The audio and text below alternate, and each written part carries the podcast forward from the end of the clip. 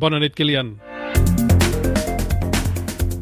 Dèiem en començar que avui ens parlaries de robots, de robots constructors, per ser precisos, d'autobusos que s'espatllen menys dels altres o que els altres, gràcies tot plegat a la intel·ligència, no la humana, sinó la que hem aconseguit els humans a través de les màquines, que és la artificial.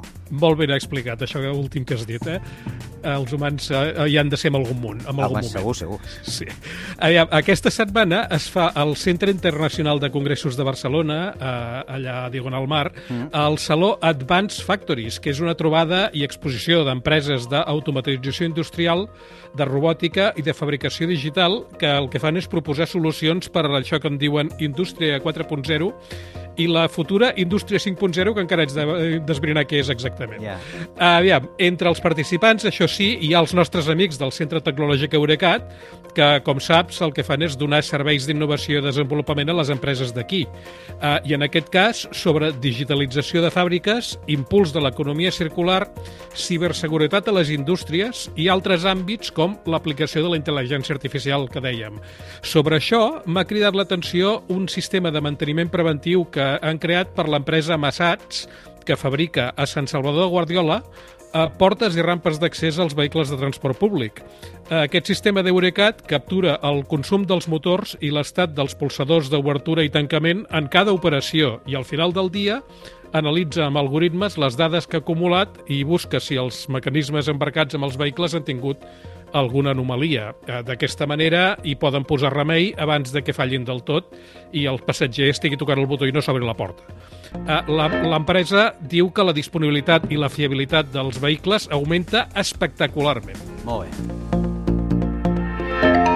Doncs, a banda d'això, també has vist aplicacions de la robòtica, en aquest cas, a la construcció.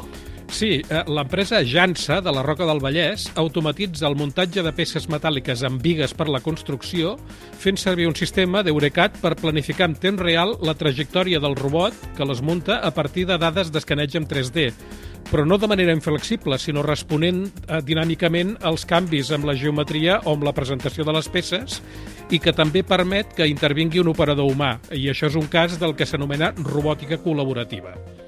Uh ens has parlat d'empreses catalanes, però l'abast de- d'Eurocat, diguem-ne que és més, més llarg, eh? més extens, més en la distància, perquè fins i tot arriba a les antípodes. La màxima distància possible, sí.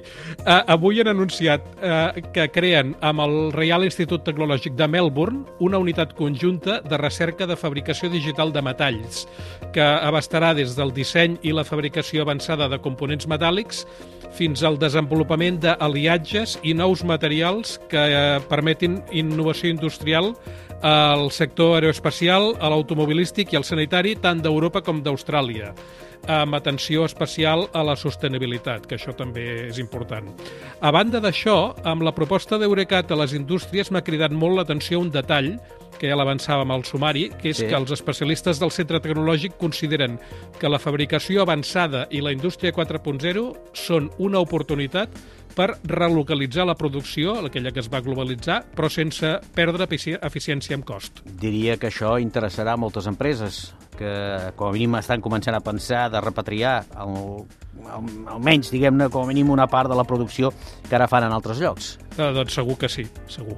Sí, i sempre és bo que tornin. I tant. benvinguts seran. Gràcies, i tu també seràs benvingut demà. Que vagi bé. Doncs fins demà, Kilian, bona nit.